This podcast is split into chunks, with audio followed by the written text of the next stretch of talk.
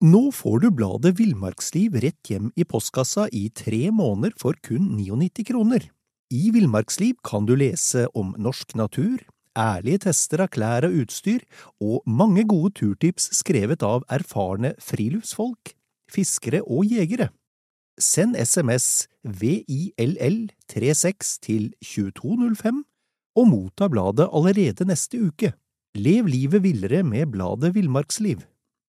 Imagine the softest sheets you've ever felt. Now imagine them getting even softer over time. That's what you'll feel with Bowl and Branch's organic cotton sheets. In a recent customer survey, 96% replied that Bowl and Branch sheets get softer with every wash. Start getting your best night's sleep in these sheets that get softer and softer for years to come. Try their sheets with a 30-night guarantee. Plus, get 15% off your first order at bowlandbranch.com. Code BUTTERY. Exclusions apply. See site for details.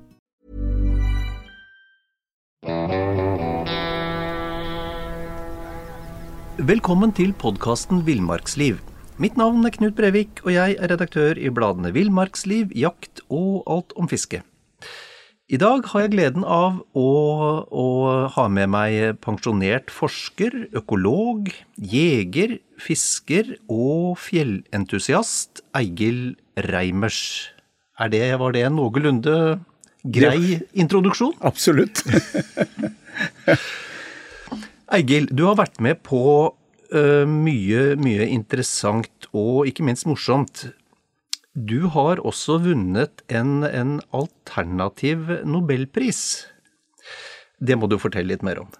Ja, det, Utgangspunktet for dette er at vi hadde feltarbeid på Eldsjøya, som er en øy øst for Spitsbergen på Svalbard. Og eh, det feltarbeidet gikk ut på at vi observerte reinens vaktsomhet i forhold til uh, mennesker. Og dette er jo et brennende spørsmål på uh, hele Svalbard i forbindelse med hvor mye menneskelig ferdsel skal man tillate seg. Og det vi var opptatt av, var å finne en reinbestand som var helt upåvirket. Det var faktisk ikke særlig eh, anledning til å være på Edsjøya pga. Av, eh, hensynet til reinen. Men vi fikk en tillatelse til å lande der, gjorde det med helikopter, satte opp en basecamp der og eh, med snubletråder rundt for å hindre at vi ble overrasket av isbjørn hvis vi lå der, for det var faktisk en god del isbjørn i området. Men vi var jo utstyrt med rifler nettopp for å kunne selvforsvare oss. Og i forbindelse med disse atferdsstudiene så, eh, så var prosedyren der at vi eh, gikk frem mot dyrene i vanlig hastighet, og så målte vi avstandene fra det øyeblikk de fikk, ble oppmerksom på oss, og så, hvis de ble litt skremt, og når de flyktet, og hvor langt de flyktet. Dette var målinger som var standard, som vi hadde fra fastlandet. Vi hadde gjort masse tilsvarende undersøkelser fastlands, i Fastlands-Norge. Og eh, det avsluttende eh, opplegget vårt var at vi skulle eh, støkke rein, dvs. Si at vi skulle gå frem mot reinen, og så gjøre alle disse øvelsene her.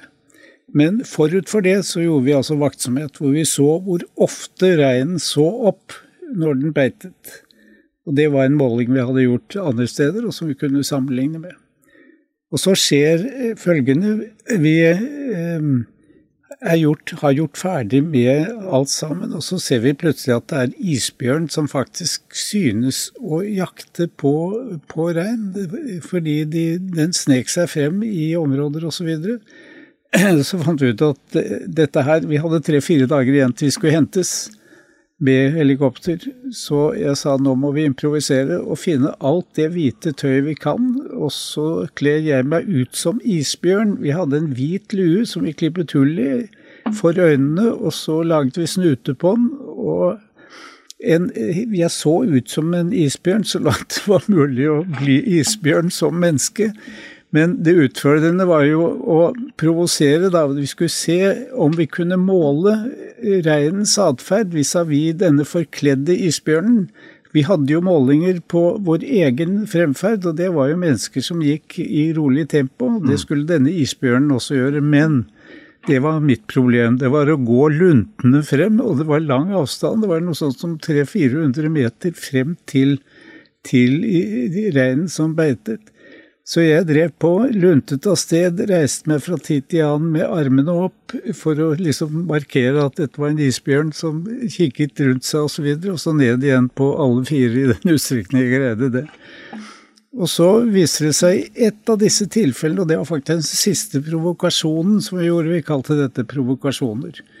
Så er jeg på vei ned mot en rein, det er nokså lang avstand, 400 meter, eh, en reinsbukk. Jeg må ned i en bekkedal og så opp på kanten hvor, hvor reinen står. Og i den prosessen så er jeg kommet ganske langt ned, og min backup, som var Sindre Eftestøl, som lå der med rifla klar i tilfelle noe skulle skje, og vi hadde jo skannet området på forhånd og så at det var jo ikke isbjørn i nærheten overhodet. Det var et oversiktlig terreng. Og så er jeg kommet like før jeg skal klatre opp på ryggen for å måle Jeg så den flyktet lenge før jeg liksom kom frem, så jeg målte den avstanden. Men da jeg var nesten nede ved denne, dette bekkeføret, så får jeg en eh, stemme på radioen. Vi har jo radio med oss hele tiden. Eigil, kom tilbake øyeblikkelig, det kommer en isbjørn mot deg. Og dette, dette var ikke noe man spøkte med. Det, det la vi forbud mot. Altså ingen, ingen practical jokes med isbjørn, for Nei. da er det alvor. Så jeg hev av meg denne biten og løp alt hva jeg greide oppover mot min backup med rifla som lå klar. Men isbjørnen hadde ikke oppdaget meg, men den hadde faktisk jaktet på den samme reinen som vi provoserte, og så eh, kom jeg jo helsint tilbake og, og, var berget uten at isbjørnen hadde sett meg, og så fortsatte den. Etter at den hadde mislykkes her, så fortsatte den innover for å jakte andre rein. Og det var i korthet historien. Og så publiserte vi dette arbeidet med atferd, hvor vi også la inn dette, en bitte liten bit om isbjørnprovokasjonene, hvor jeg hadde kledd meg ut osv. Og det ble et bilde av det som eh, var vedlagt denne artikkelen, som ble publisert i Antarctic Arctic Alpine eh, Biology. Og så gikk det et par år, og så fikk jeg en kryptisk telefon fra en eh, en person som bare sa han tilhørte universitetet i Grøningen i, i, Holland. Og så sa han at du har vunnet en pris. Og så sa jeg ja, jeg var ikke klar over at jeg hadde gjort noe som helst som skulle tilsi en pris. Og så sa han men eh, jeg kan bare røpe dette for deg hvis du holder tett inntil prisen utdeles. Ja, sa jeg, det skal ikke være noe problem.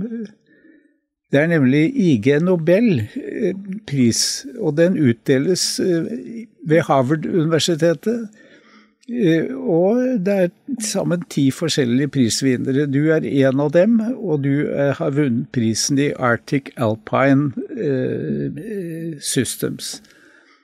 Og så sa jeg det, det var jo veldig ærerikt, altså. Jeg sa det tar jeg imot. Og så sa han at det følger ingen prispenger og ingen som helst ære, bortsett fra at du har vunnet denne prisen. Og det er ikke så mange som gjør det, sa han. Jeg sa jeg jeg blir med på det.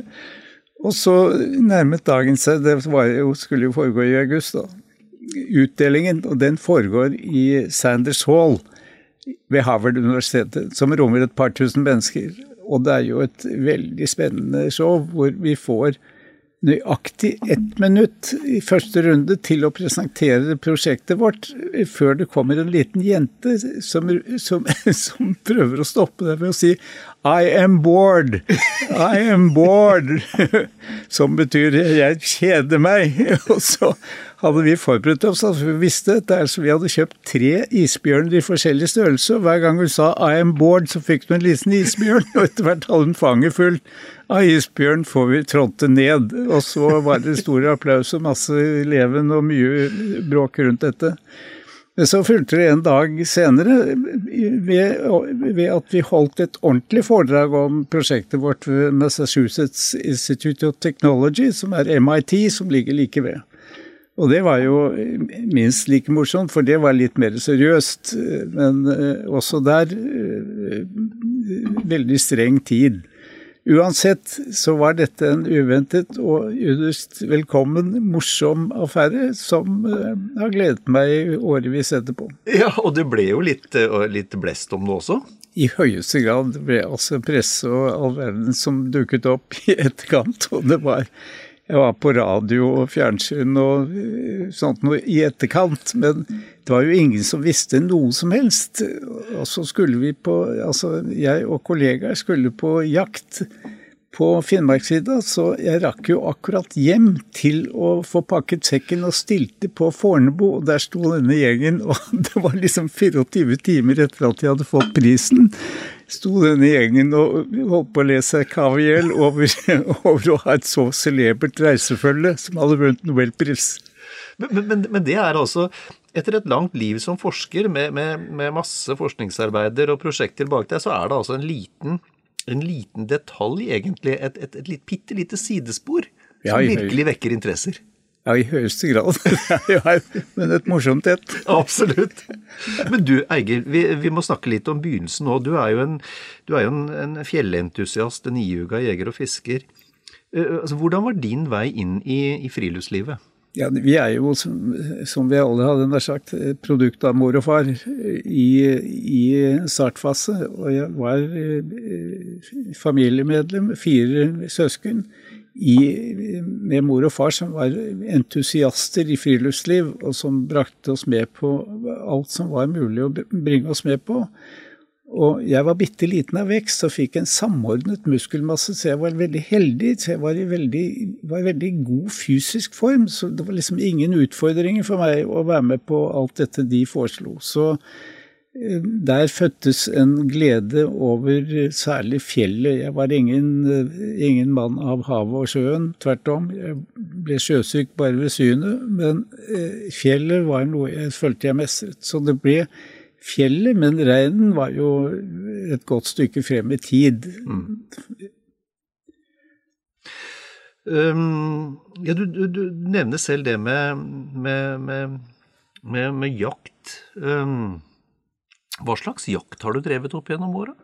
Ja, det er først og fremst småviltjakt. Altså eh, skogsfugl var det jeg Eh, har jaktet aller, aller mest. Og det var jo i år hvor det faktisk var en god del skogsfugl. Eh, nå må jeg jo si at jeg syns jeg finner færre og færre, men det skyldes også at jeg ikke går så langt lenger og ikke så fort, så jeg finner ikke så mye fugl. Men, men senere tid også rypejakt, eh, som kanskje er mer givende i den forstand at jeg kommer opp i fjellet og, og, eh, er i et hjemmeområde som jeg er fortrolig med. Mye mer enn skogen, for så vidt. Men, men, ikke det at jeg ikke er glad i skauen også. Men fjellet ble også en arena for reinsjakt. Mm, mm. Så jeg var ivrig reinsdyrjeger så lenge liksom syn og alt fungerte. Mm, mm. Vi jaktet jo i Nordfjella.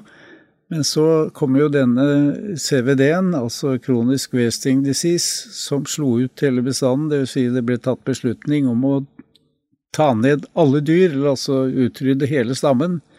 Og det skjedde, og dermed var jo jakten for mitt vedkommende i Nordfjella slutt. Mm.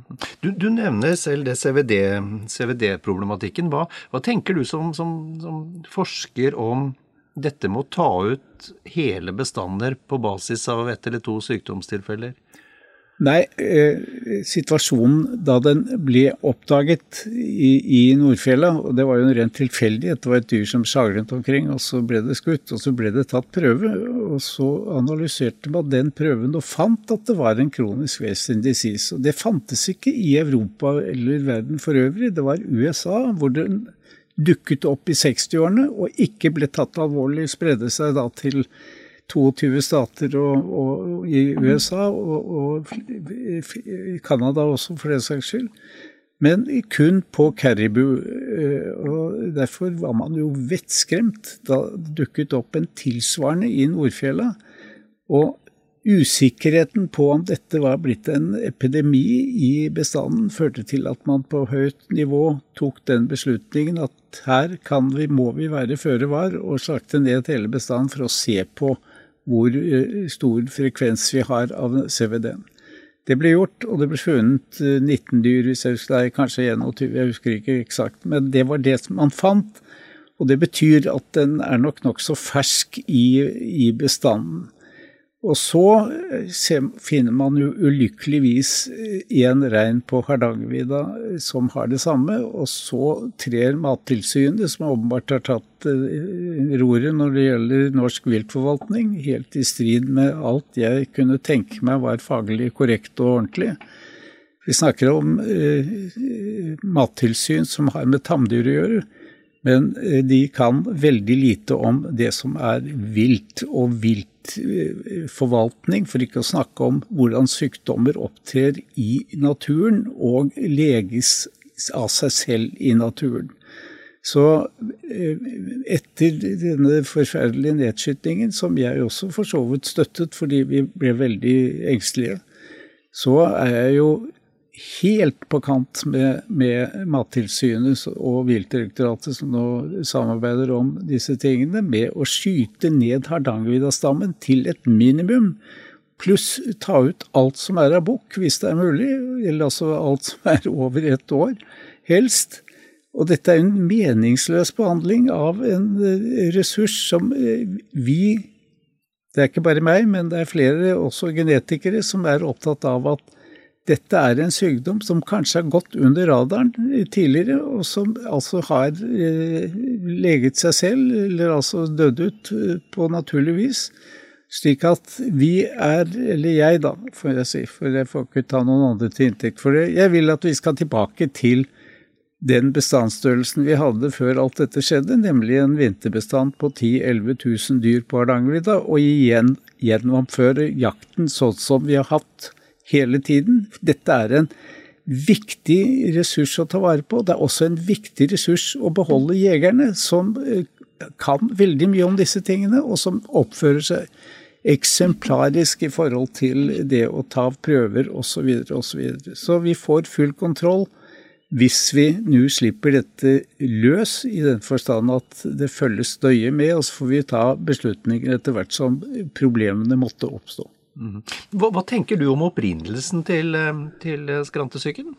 Ja, det er eh, et protein som misfolder, og det proteinet er veldig levedyktig og, og, dør ikke slik som proteiner skal gjøre. Jo, altså, kroppen er programmert for å avlive proteiner når tiden er over. Dette proteinet gjør ikke det. Ingen bit, ingenting biter på det, og, og det sprer seg det tar knekken på naboproteiner, og til slutt så er den den dominerende eh, proteinet, og det er et, eh, et system som går i ryggmarg, altså i, i nervekanalen, og til slutt i hjernen. Og, og, når den når dit, og det var det ene dyret på Nordfjella som hadde denne sjanglete hjernesituasjonen, men eh, det på Hardangervidda var jo ikke annet enn at man påviste at den hadde CVD. Mm. Men er det mulig um, altså Det ble jo på, på et tidlig stadie så ble det jo diskutert om vi hadde fått smitten fra USA gjennom sånn luktestoffer, og det var, det var noen teorier rundt det. Er det mulig at det har på en måte bare oppstått? At det har vært der hele tiden? Det er fullt mulig. og det er jo For det første er, er den varianten av, av, CVD som er funnet i, i, Norge, ikke den samme som de har påvist i, i USA.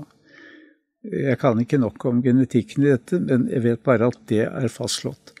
Og eh, vi tror vel at dette er eh, ting som fra tid til annen dukker opp, og som altså da eh, naturen selv håndterer. Det er selvfølgelig en en hypotese som ikke er dokumentert, men, men istedenfor å kjøre et eh, voldsomt opplegg i forbindelse med nedslakting, så er vi opptatt av å falle tilbake til normal. Mm. Mm. Det var, det var reinsdyret som ble ditt eh, dominerende fagområde også, Eigil. Eh, doktorgrad på, på Svalbardrein. Mm. Hva er det ved rein som fascinerer deg? Ja, det er jo at den lever i det området den lever, og lever så langt opp som til 81 grader nord, som liksom vil være helt utenkelig for en drøvtygger å i det hele tatt overleve. Og det var jo fascinerende i forbindelse med eh, doktorgraden, hvor jeg prøvde å påvise hva er det som gjør at disse dyra overlever uten lav. Altså Poenget er at laven er jo ryddet bort for lengst. Og eh, i enhver annen bestand hvor laven ryker, så får du en, en, kan få en katastrofal situasjon med stor dødelighet osv. Men på Svalbard så lever reinen åpenbart etter beste velgående, selv uten lav. Og det undret meg intenst. Så det vi da satte opp som forsøksprotokoll, det var jo nettopp å måle kondisjonen på disse dyrene og se hva, hva slags kondisjon, og det betyr fett i fettlagring osv., som de gikk inn i vinteren med, versus norsk rein. Og så viste det seg at disse dyrene har jo en atferd som er vesentlig forskjellig fra fastlandsrein eller rein caribou eh, andre steder. Fordi deres eh, dag består av spise og drøvtygge. Og det er stort sett det de driver med. Det er nesten 98-96-97% av døgnet går med til de aktivitetene. Og det sier seg selv at hvis du slipper å løpe eh, hver gang det dukker opp en ulv eller et menneske eller en jerv, men bare fortsetter å spise fordi dyrene eksisterer ikke på Svalbard, så sier det at du kan legge deg opp noen enorme fettreserver som gjør at selv om eh, mose, som er deres eh, hovedbeite vinterstid, ikke inneholder så lett omsettelige eh, næringsstoffer, så er eh, mengden de kan ta inn, eh, og som gjør at de ser ut som små, runde eh, kuler, det er Vomma som har en enorm kapasitet til å lagre og fordøye. Mm. Samtidig så bygger de opp eh, på sommerstid, den korte sommeren som er der, enorme fettmengder. Så 30% av vekten på reinen er fett, som altså da gir dem en mulighet til å overleve med en tredjepart av, av, eh, det de trenger per dag, tar de fra fettreservene de har. Så de trenger to tredjepart av beite for øvrig. Og så er de ytterst slanke eh, på våren når eh, sommeren kommer, men da kommer sommeren til gjengjeld med enormt tilfang av ny vekst som de har tid til å spise, for de plages ikke av noen ting. Det fins ikke insekter som plager dem, og det er ikke rovdyr annet enn fjellrev og kanskje nå også isbjørn som fra tid til annen forgriper seg på reinen. Mm. Neppe sommerstid, fordi eh, bjørnen kan komme opp i en hastighet på 40 km i timen. Kort distanse, fordi de har ikke sjanse til å holde varmebalanse med å løpe fortere enn det over lengre tid. Og eh, kort avstand vil reinen greie å utmanøvrere dem, selv om de overraskes på kort hold. Men det er når reinen lar seg sne ned. Når det føyker voldsomt på Svalbard, så har isbjørnen en mulighet, hvis den er landlocked, som det heter, altså at den ikke er på isen. Og det viser seg at det er mer isbjørn som befinner seg på land etter at vi har fått en endring i klimaet i Arktis. Mm. For, for, for, det der er jo noe som, som, slår en, eller slår alle som er på Svalbard, er at du kan jo nesten gå bort til reinen. Den, den bryr seg ikke om det. Nei, og det er jo helt opplagt en enorm fordel. Og den, den har ikke noe genetisk innebygget redsel for mennesker. Det har, ikke, det har, ikke, vært noen eh, hva skal jeg si, læring i det å holde seg unna mennesker. De holder en viss avstand, fordi det er en sånn minstesikkerhetsavstand som ethvert dyr vil ha i forhold til et fremmed eh, element. Men den er meget kort. Dette har vi jo målt, og, og, det er jo ikke mange meterne de trenger for å si at nok er nok. Mm, -hmm. Men, det er uhyre interessant. Vi har altså, vi har altså rein som overlever på Svalbard med så eh, lite tilgang på mat, egentlig. Og, og, og, det du sier er at en av grunnene til at de gjør det, er at de, de slipper å bevege seg. De, er, de, har ikke noe å frykte, rett og slett, så de sparer all den energien. Ja. Hva sier det om, om, om villreinforvaltning på fastlandet, holdt jeg på å si? Ja, Det sier bare at uh, det er ikke den samme situasjonen. Det betyr at uh, når du går fra de virkelig ville dyrene vi har i Norge, som er i Rondane, Snøhetta osv., det er tre områder. De to først og fremst, Snøhetta og Rondane. Der er det er færrest gener som er tamreingener i de to bestandene. De holder noe av den opprinnelige genmassen i seg. De øvrige bestandene er mer eller mindre innblandet med tamreingener. Og tamreingenene har, har, den egenskap at uh, vaktsomhet og flukt og frykt er tonet ned. Det er jo noe av grunnen til at tamreindrift er mulig å opprettholde. Det er jo at de kan håndtere disse dyrene uten at de spretter av sted og løper uh, livet av seg, den er sagt. Mens eh, Rondane og snøtareinen har en mye lavere terskel for, for, eh, for eh, Eller Omflads høyere terskel for Nei, lavere terskel for, for å bli skremt. Altså mm. Poenget er at det skal veldig lite til før de stikker av, og de stikker langt. Mm. Mm. Og det eh, er jo ting som vi har målt uh, i disse eh, områdene, og sett på at det er faktisk en av grunnene til at de også holder seg noe slankere enn en, en det som er tamrein-infisert villrein i Norge. Der har du tre områder. Først og fremst det er Norefjell, Reinsjøfjell, og du har Forelhogna. Mm.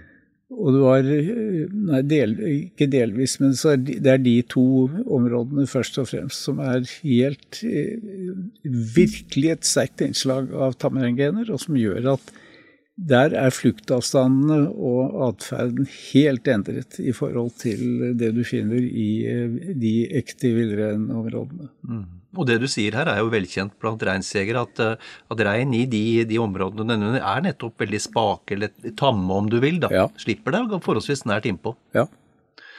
Så der er det sitter i genene. Mm. Mm.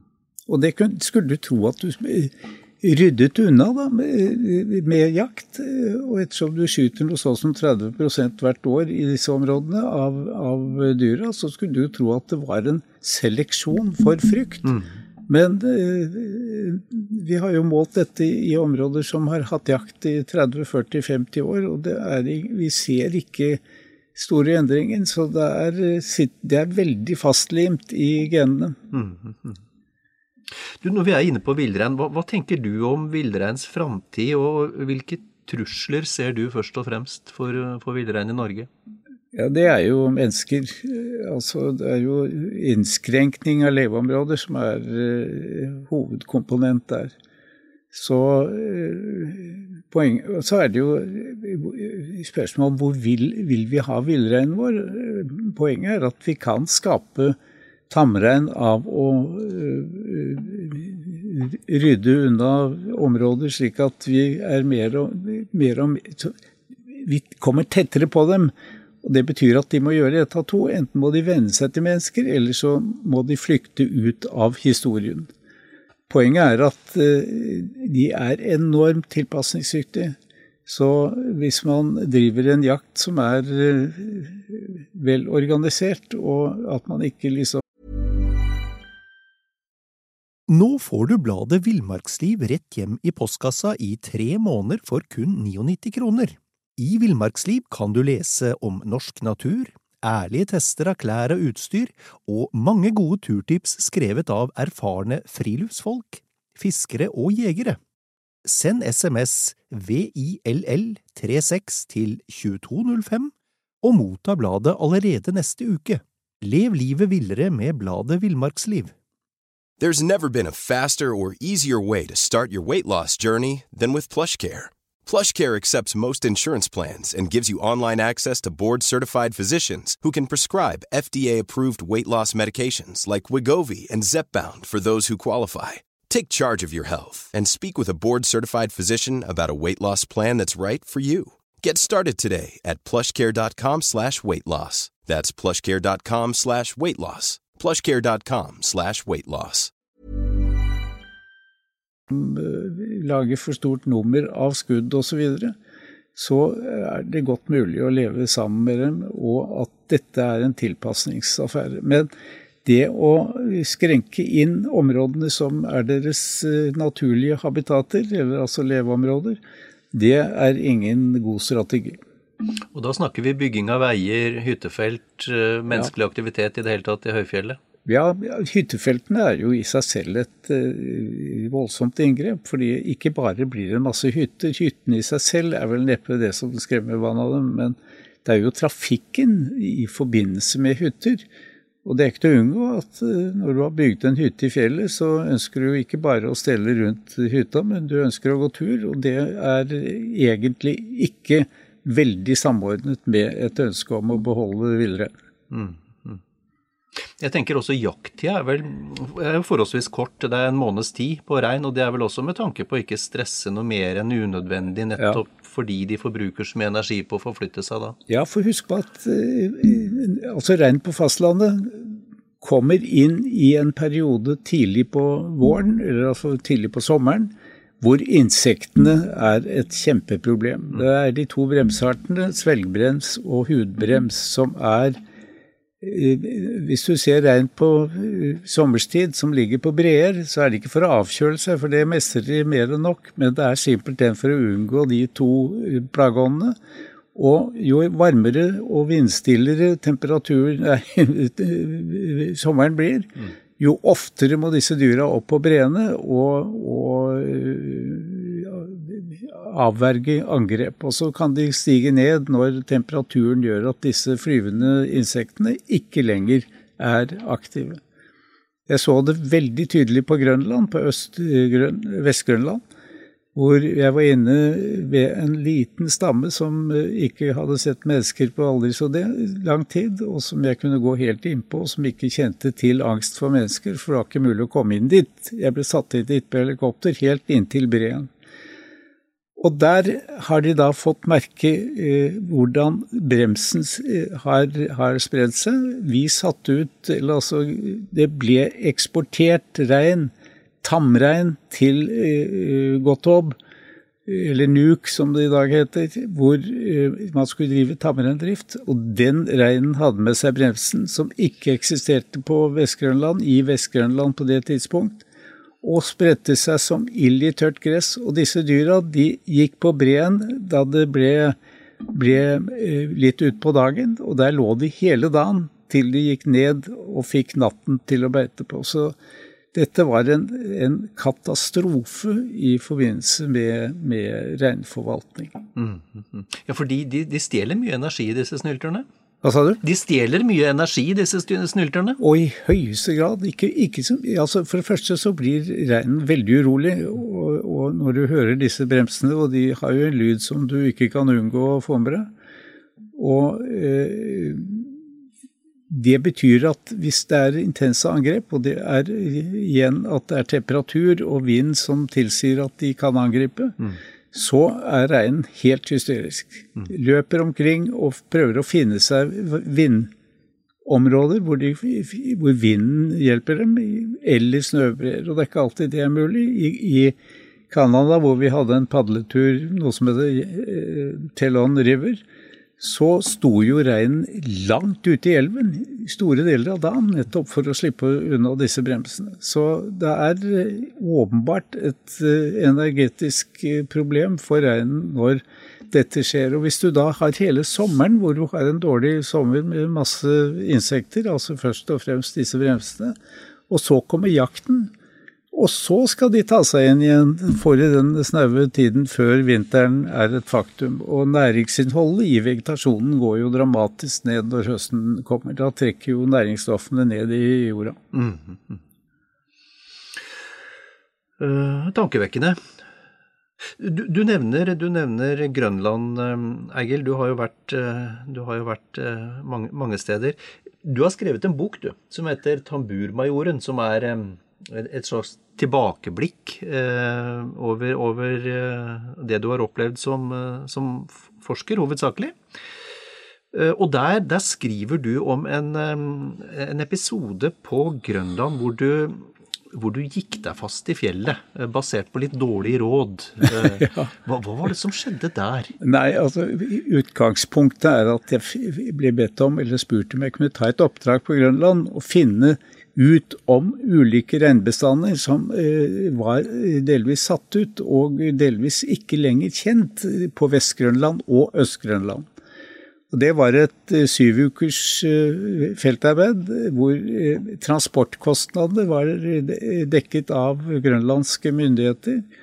Og jeg ble satt ut til de mest isolerte steder og ruslet omkring og ble hentet igjen etter tre-fire dager, avhengig av hva slags eh, område jeg var i. Men i dette tilfellet så ble jeg satt ut i et område hvor man ikke visste om det lenger fantes rein. Og det var noe som het Sermelikfjorden, og eh, det var en times båttur fra, fra Godthaab. Og så var det en kjentmann som skulle sette meg ut. og han, eh, da lå, Skydekket lå på sånn 200 meter eh, over havet. Eh, men det så jo grusomt bratt ut der han styrte inn og sa det ser ille ut akkurat her, men det flater ut strakt du er over det tåkebeltet, sa han. Ja vel, tenkte jeg, det er jo, han er jo kjentmann, så han vet om dette. Og jeg, og jeg er jo ikke skremt av at det kunne være bratt. Men at det kunne bli så bratt, det var helt eh, forferdelig. Jeg, jeg, fikk virkelig angst i, i, kroppen. Fordi ettersom jeg klatret oppover, så var det ikke mulig å ha sekk og gevær på, på ryggen. Fordi jeg fikk en tyngdepunkt som jeg ikke var komfortabel med, for det var så veldig bratt. Så jeg tok sekken på magen og geværet på ryggen, og så krabbet jeg meg oppover, da. Men så tenkte jeg, så løsnet jeg en diger stein som jeg tror feil på, som gikk ned i havet. og Det var ikke mer enn tre-fire sprett, så var den, traff den vannplaten. Så, så, bratt var det. Og så tenkte jeg nei, dette, dette Og da var jeg Da kjente jeg knærne skalv. Og så tenkte jeg nei, nå må du holde deg helt fast her nå, og så snur vi. Eller ikke snur, for det går ikke. Du må bare komme deg ned samme vei du kom, så langt det er mulig. Og, det der å klatre ned er jo noe helt annet enn å klatre opp, for da ser du jo ingen verdens ting. Altså, da må du prøve å sette føttene der hvor du tror du kan, osv. Og, så og det gikk jo bra til å begynne med. Eller altså, det gikk vanskelig til å begynne med, men bra etter hvert. For da ble det litt slakere og litt mer oversiktlig. Mm mm. Og så tenkte jeg ålreit, her blir jeg værende, fordi avtalen var at han skulle hente meg igjen etter tre døgn, og da på den andre siden av dette fjellmassivet som jeg var i ferd med å klatre opp på. Men jeg hadde jo mat, eh, reserveproviant, og jeg hadde nødbluss og, eller sånn signal, liten signalpenn. Og så hadde jeg rifla i tilfelle det skulle dukke opp en diger torsk. men, men, men, og fiskestang hadde jeg også, for så vidt. Men eh, så fant jeg ut at det går så mye steinras hele tiden rundt meg at jeg våger ikke å sitte eksponert, så jeg fant en svær berghammer som stakk ut, og så satte jeg meg under der. tenkte jeg her får jeg da bare ordne meg, og liksom satte av meg sekken og tenkte at dette får bli mitt soveleie frem til jeg blir hentet, for jeg blir jo savnet etter tre dager. Og da vil de jo starte der hvor de satte meg ut. Og så satt jeg der, det var noen få timer, tenker jeg, eh, men hadde jo kikkert og så utover denne Sermelik fjord, og så plutselig får jeg se en båt langt, langt ute i horisont, og så tenker jeg det Jeg må prøve å påkalle eh, min posisjon. Så jeg griper den pennen og fyrer av et signalskudd som da går høyt opp, og som lyser, og som er rødt osv. Selv er jeg fargeblind, så jeg ville ikke reagert på det i det hele tatt. Men, men det gjorde båten. Den stoppet opp. Og så tenkte jeg nå gjelder det å skyte nummer to, og det gjorde jeg. Og nummer tre. Og da hadde de posisjonen, så da kom de rett inn. Og dette var en grønlandsfamilie og de eskimoer snakket et ord. Jeg prøvde meg på alle mulige språk, men det var helt nytteløst. Så jeg tok frem kartet og viste dem hvor jeg skulle hentes. Ja. Og så nikket de begeistret, og så kjørte de meg hele veien rundt. da. Og satte meg i land der hvor avtalen var at jeg skulle hentes etter tre døgn. Ja. Og så gjorde jeg jo jobben min, for da krattet jeg inn i fjellet. Og, Så da var det mulig å komme, Nei, komme det Nei, var det mulig å gå der. Det var jo helt, helt bankers. Akkurat. Så jeg fikk avsøkt alle de områdene, men det var, jeg kunne jo påvise veldig fort at her var det ikke regn. Laven var storvokst og ikke tråkket på, og ikke spist. Ingen felgevir, ingen spor, ingen verdens ting. Det var et stort område, men jeg fant ingen verdens ting. Så til avtalt tid så var jeg nede, og så kom han kameraten da med båten. Han var presis nok der. Og sa at det var hyggelig, sa han. Ja, sa jeg, det er mer hyggelig enn du aner, fordi der du satt den av, det er et sted du åpenbart ikke visste om. Nei, der er jeg jo kjent, han. Jeg har jo plukket kvann der. Eh, Og kvann er jo en, en sånn svær eh, plante som er spiselig, hadde jeg nær sagt. Og så sa jeg det skal vi se på, sa jeg, for nå, i dag er det klarvær. Nå skal vi kjøre tilbake og skal vi se hvor du satte meg av. Og der var det altså glattberg over eh, der han satte meg av, og da ble han jo helt blek i trynet og sa at jøss, er det der, ja? Men eh, det var fordi tåken var der, og så det holder ikke. Så da han satte meg tilbake til byen, og da fikk jeg et, snakket med ordføreren og, og sagt at eh, du bør skjerpe deg med hensyn til kjentfolk. Men jeg kom heldig fra det. Men- For det kunne gått riktig galt. For du, kunne... du hadde ikke sjanse til å fortsette nå opp der. Overhodet ikke. Overhodet ikke.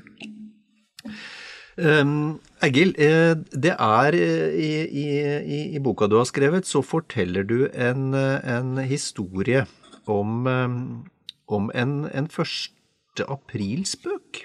eh, som, du, som du tok initiativet til på Zoologisk institutt. Hva var som, hva var historien der? Nei, historien var at vi var ferdig med førsteavdeling og skulle begynne på hovedfag. Og så fikk vi beskjed fra høyeste hold at eh, det var ikke plass til oss eh, for hovedfag. Og det var jo en eh, helt i strid med forutsetninger. Vi var jo lovet et løp hvor vi tok førsteavdeling, og så fullførte hovedfaget vårt. Og så at jeg ikke tale om eh, Jeg var formann i, i fagutvalget, som var liksom studentenes eh, svar på organisering på det tidspunkt. Så jeg eh, protesterte og sa at dette kan vi ikke finne oss i. Eh, og gikk jo til lærerne og sa at eh, vi må finne på noe for å løse et problem. Og så ringte jeg Moelven, eh, som jo hadde brakker og var begeistret for tanken over å sette opp to brakker på universitetet som en liksom markering av det firmaet kunne levere. Og det var brakker som ble levert, måtte kobles til strøm, men med toaletter og så, alt som liksom hørte med til vanlig standard osv., og, så videre, og plass til oss som studenter. 20 000 kroner. Og jeg søkte Studenttinget om støtte til dette her, men fikk avslag, men stor sympati. Fordi universitetet var i ferd med å sprekke når det gjaldt eh, plass med alle studenter osv. Så, videre. så eh, jeg gikk tilbake til systemet, sagt, og sa at vi har nå brakker på hånden, og studentene er villige til å gå inn og dele utgiftene til. Og så eh, ble det masse rabalder, fordi eh, pressen oppdaget jo alt dette her. Og det kom jo noen svære overskrifter med plassmangel på universitetet, og studentene må bygge egne boliger, og studentene kjøper brakke, og det var ikke måte på. Det var alle, alle de store avisene hadde dette som oppslag. Og eh, dette ble jo sterk kost for administrasjonen, så jeg som hadde initiert dette her, jeg ble kalt inn eh, på teppet til rektor, som var ganske oppbrakt over det vi hadde satt i gang, uten at vi hadde klarert dette med våre faglærere. Og så sa jeg det er ikke riktig. Våre faglærere var informert, men hvorvidt de har sagt noe til deg, det vet ikke jeg. Men vi har handlet i absolutt god tro i overensstemmende med, med det som var forutsetningene for vårt studium. Ja, jeg fikk litt kjeft, eh, men det var jo ikke all verden. Og så Dette var like før 1. april. Og så tenkte jeg dette må vi jo utnytte. Jeg lager en 1. aprilspøk hvor jeg gir bort alle våre dyr. Og det, poenget var at Zoologisk laboratorium, som det het den gang, eide jo ikke et eneste dyr. Det eneste som var levende der, var studentene. Og dermed så forfattet jeg en tekst hvor, hvor universitet, altså Zoologisk laboratorium gir bort alle sine dyr, og det var syv aper og 30 Jeg husker ikke nøyaktig tallene, men det var aper, undulater, og det var eh, skilpadder, og det var bjørnunge snill, eh, i parentes. Alt dette her var personlig fremmøte, ta med bur. Og så eh, for jeg ned til Aftenposten, eh, og da var det eh, overskredet tid for innlevering av, av eh, annonser. Og jeg sa dere kan ikke nekte oss dette her. Dette er dyr som vil lide hvis vi ikke får disse dyrene ut snarest mulig. Dette haster. Dette er et hastevedtak. Og så sa denne resepsjonisten at jeg skal snakke med Faktor, som er han som satte tekst osv. Han kom tilbake, og jeg tror nok han har skjønt at dette var et eller annet, men, men, men lot det passere. Og så kom 1. april, da, eh, og der sto det jo var jo den annonsen veldig tydelig og veldig klar. Vil jeg tro. Og det ble jo et forferdelig rabalder. Poenget var at jeg var hjemme, jeg var på vei til Blindern, klokka var åtte. Og eh, så fikk jeg telefon før jeg dro, dette var før mobiltelefoner osv. Så, videre, så jeg fikk en telefon som jeg tok, og så var det fra, fra, fra sekretæren på, på Zoologisk Lab som sa du må komme med en gang, her er det fullstendig kaos. Og så kom jeg da, så fort jeg bare kunne, og der var det, altså møtte jeg folk i gangen med bur og kasser og all verdens. og eh, Poenget var at dette var i fjerde etasje, måtte de henvende seg for å få tak på disse dyrene. Der var det som sagt ikke noe dyr, men det var mange av våre lærere, og en av dem het Bjørn Føyn. og han, Det var jo bjørnen da, som vi henviste til. Men og etter hvert så tok jo dette helt av, og vi måtte bare avslutte hele butikken. Sekretæren eh, reiste hjem. Hun tok ikke flere telefoner, hun orket ikke. Og så måtte vi ta vakt ved telefonen og avvise da på en vennlig måte at dette var 1. april osv. Og, og på hovedsentralbordet jo, ble jo helt sprengt. fordi de, alle som sa noe med dyr, ble avvist med en gang. Men eh, hvis de ikke sa dyr med en gang, så ble de sendt videre til, til uh, vår mann, som jo hadde overtatt jobben. Og det ble jo så mye korrekt ut av det her. Så den aller siste samtalen husker jeg var eh, kollega Lars Føhn som, som tok, og da var det snakk om Vi ha var spørsmål om vi kunne få noen undulater.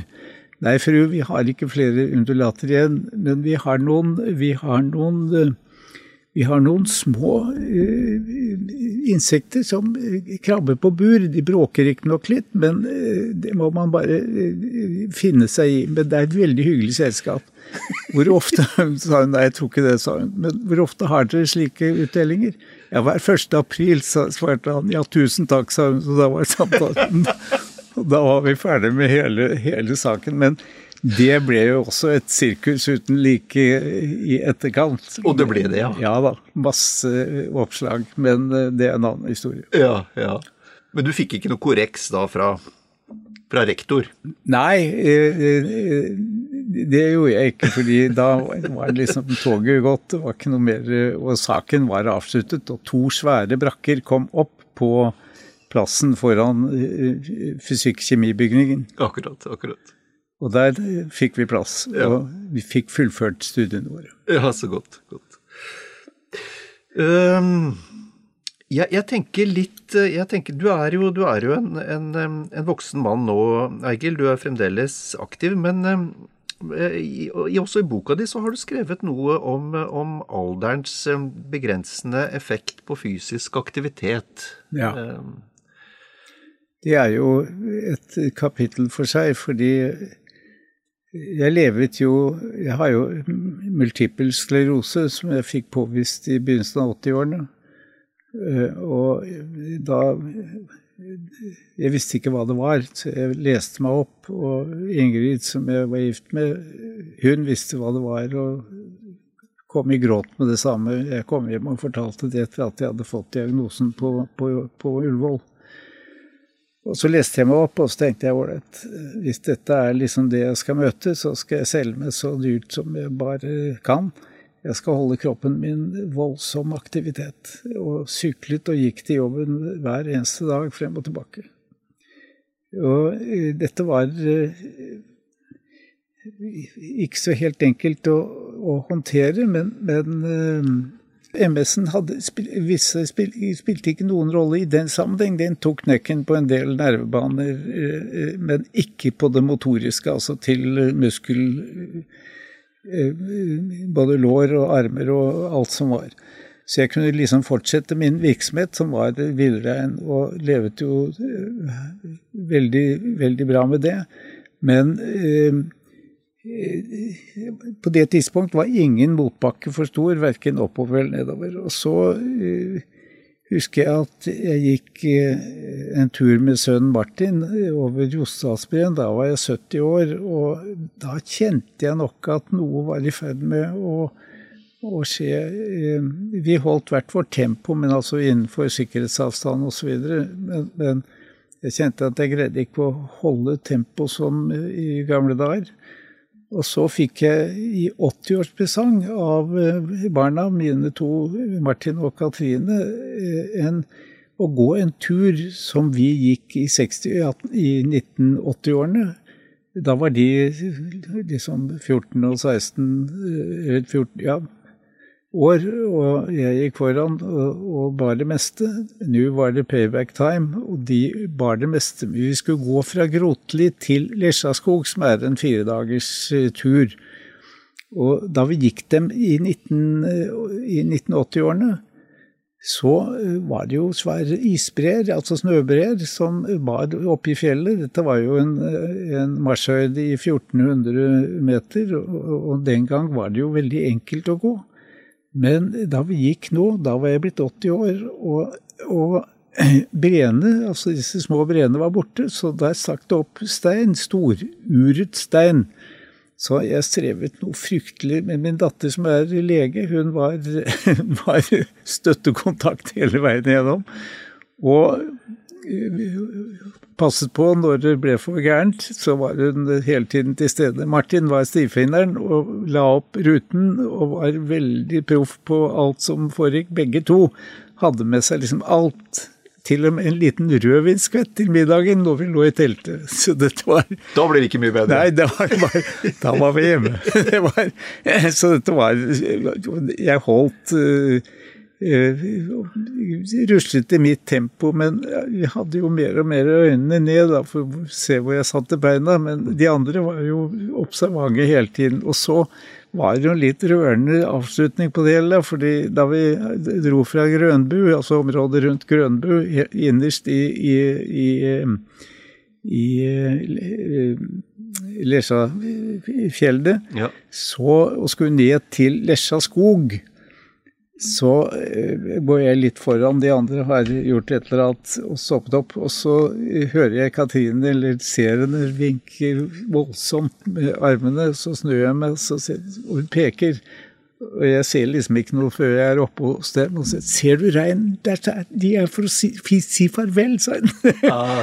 Der sto det en, en flokk med bukker som bare så på oss tvers Var på den andre siden av elven, Grøna, som det heter der. Og eh, kikket på oss, og så snudde de seg og dro tilbake inn i, i fjellet der vi var kommet fra, og der de hørte hjemme. Og det var en sånn utrolig vakker avslutning på et eh, aktivt liv. Jeg har jo sett regnet etterpå også, men da var det et sånt farvel, både mm. til det jeg har opplevd på mange vis, og det jeg hadde krefter til, for etter den turen så ble aksjonsradius eh, kortere og kortere, og da eh, må jeg nok si at eh, jeg lever med en kone som Ingrid, som hun heter, og har liksom blikket fremover og ikke bakover. Jeg hadde blikket bakover veldig lenge og var opptatt av hva jeg ikke greide. Mm, mm. Og er vel fortsatt litt på den siden. Minnes og er litt sår over at eh, ingen motbakker greier jeg lenger.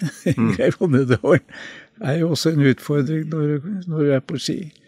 Så hun var hele tiden en, en med, med innestemme fortalt at eh, du må begynne å se fremover. Du må se alle de gledene som du absolutt kan glede deg med. Mm, Det er andre ting. Det er stor, stort kulturtilbud. Det er mange ting du kan lese som du ikke har lest. Det er konserter, det er andre ting. Legg vekt på et liv som kanskje ikke har de samme fysiske utfordringene, Mm. men som kan ha like mye mental utfordring, og det er kanskje det viktigste i, i min alder. Nå er jeg blitt 83, og da gjelder det å holde huet i orden. Og det kan man greie ved både å skrive, lese og være aktiv. Et klokt råd eh, fra din kone. Absolutt. Um, jeg, jeg refererer til boka igjen. Ja, du, du, nevner, du nevner en, eh, en, eh, en sekvens i en, en bok av Kjell Aukrust. Så, så får pensjonist Myhrulbråten på et tidspunkt spørsmålet om hva han ville gjort annerledes hvis han kunne starte livet på nytt. Da svarer Myhrulbråten at han i så fall ville han anlagt midtskill. Hva ville du gjort annerledes, Egil? Hva sa du? Hva ville du gjort annerledes? Nei, jeg, jeg, faktisk ingenting. Jeg er veldig begeistret for eh, det livet jeg har fått lov til å leve, på tross av en eh, veldig truende affære som jeg fikk i 80-årene. Jeg har jo venner rundt meg som har fått dette atskillig tyngre, og som eh, har fortsatt hatt dette humøret, og som har virkelig inspirert meg til å tenke alternativt. Nei, jeg har ingenting uavgjort, uoppgjort. Jeg er veldig, veldig takknemlig for det livet jeg har fått leve. Tusen takk for en hyggelig prat. I likeså.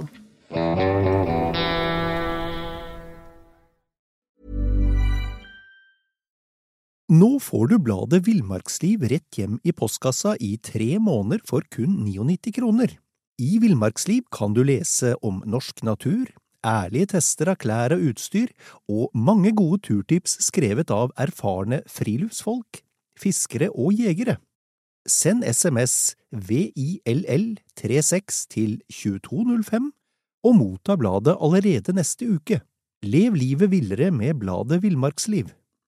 Mom deserves the best, and there's no better place to shop for Mother's Day than Whole Foods Market. They're your destination for unbeatable savings, from premium gifts to show-stopping flowers and irresistible desserts. Start by saving 33% with Prime on all body care and candles. Then get a 15-stem bunch of tulips for just $9.99 each with Prime. Round out Mom's menu with festive rosé, irresistible berry chantilly cake, and more special treats. Come celebrate Mother's Day at Whole Foods Market. Imagine the softest sheets you've ever felt. Now imagine them getting even softer over time. That's what you'll feel with Bowl and Branch's organic cotton sheets. In a recent customer survey, 96% replied that Bowl and Branch sheets get softer with every wash. Start getting your best night's sleep in these sheets that get softer and softer for years to come. Try their sheets with a 30-night guarantee. Plus, get 15% off your first order at bowlandbranch.com. Code BUTTERY. Exclusions apply. See site for details.